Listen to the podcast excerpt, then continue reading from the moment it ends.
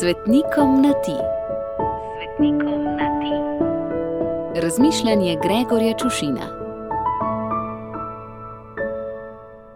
Ljubi moj sveti Gotard. Prelaz je nekaj visokega. Je najvišja točka, ki jo moramo prepotovati, ko se iz ene strani prek gora podamo na drugo stran. In samostalnik prelaz je nedvomno izšel iz glagola laziti, ki pomeni premikati se sem in tja, dotikajoč se podlage s telesom.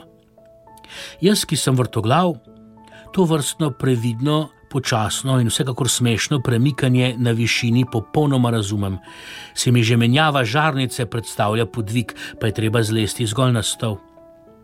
Ubiranje jabolk ali kako pleskanje opaža, ko moram zauzeti tretji ali celo četrti klin na lestvi, pa pri meni spada že pod rubriko adrenalinskih športov. Zdaj se, ljubi moj sveti Gotard, zagotovo že sprašuješ, kaj margolazim in kam se mislim priplaziti s tem svojim razpredanjem okrog prelazov. A ne te samo prijazno spomnim, da se eden najpomembnejših prelazov v Evropi, ki povezuje sever in jug preko Alp, imenuje po tebi. In to ni kar tako in nekakor lepo na ključju.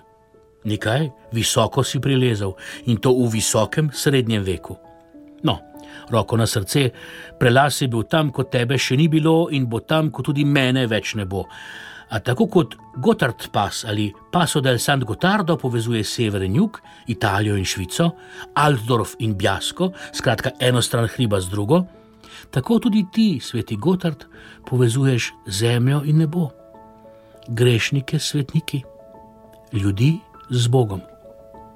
Visoko si prilezel, čeprav si hotel biti skromen menih, se so te postavili za škofa. A si kot škof nisi prav nič visoko nosil.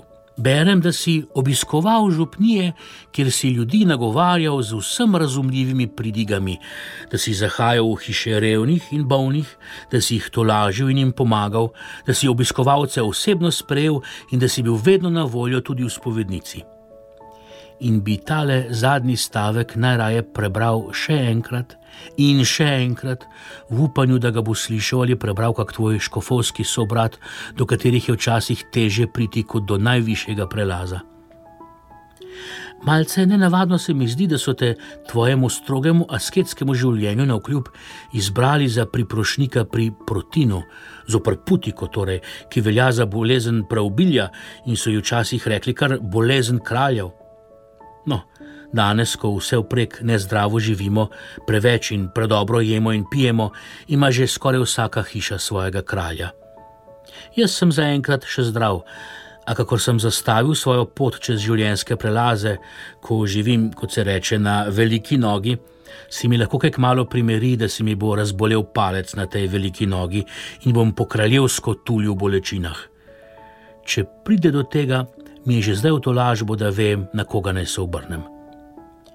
Ljubi moj sveti Gotard, obilo žegna za tvoj god, pa nam ga vrni in z nebeških prelazov izli na nas, Gregor.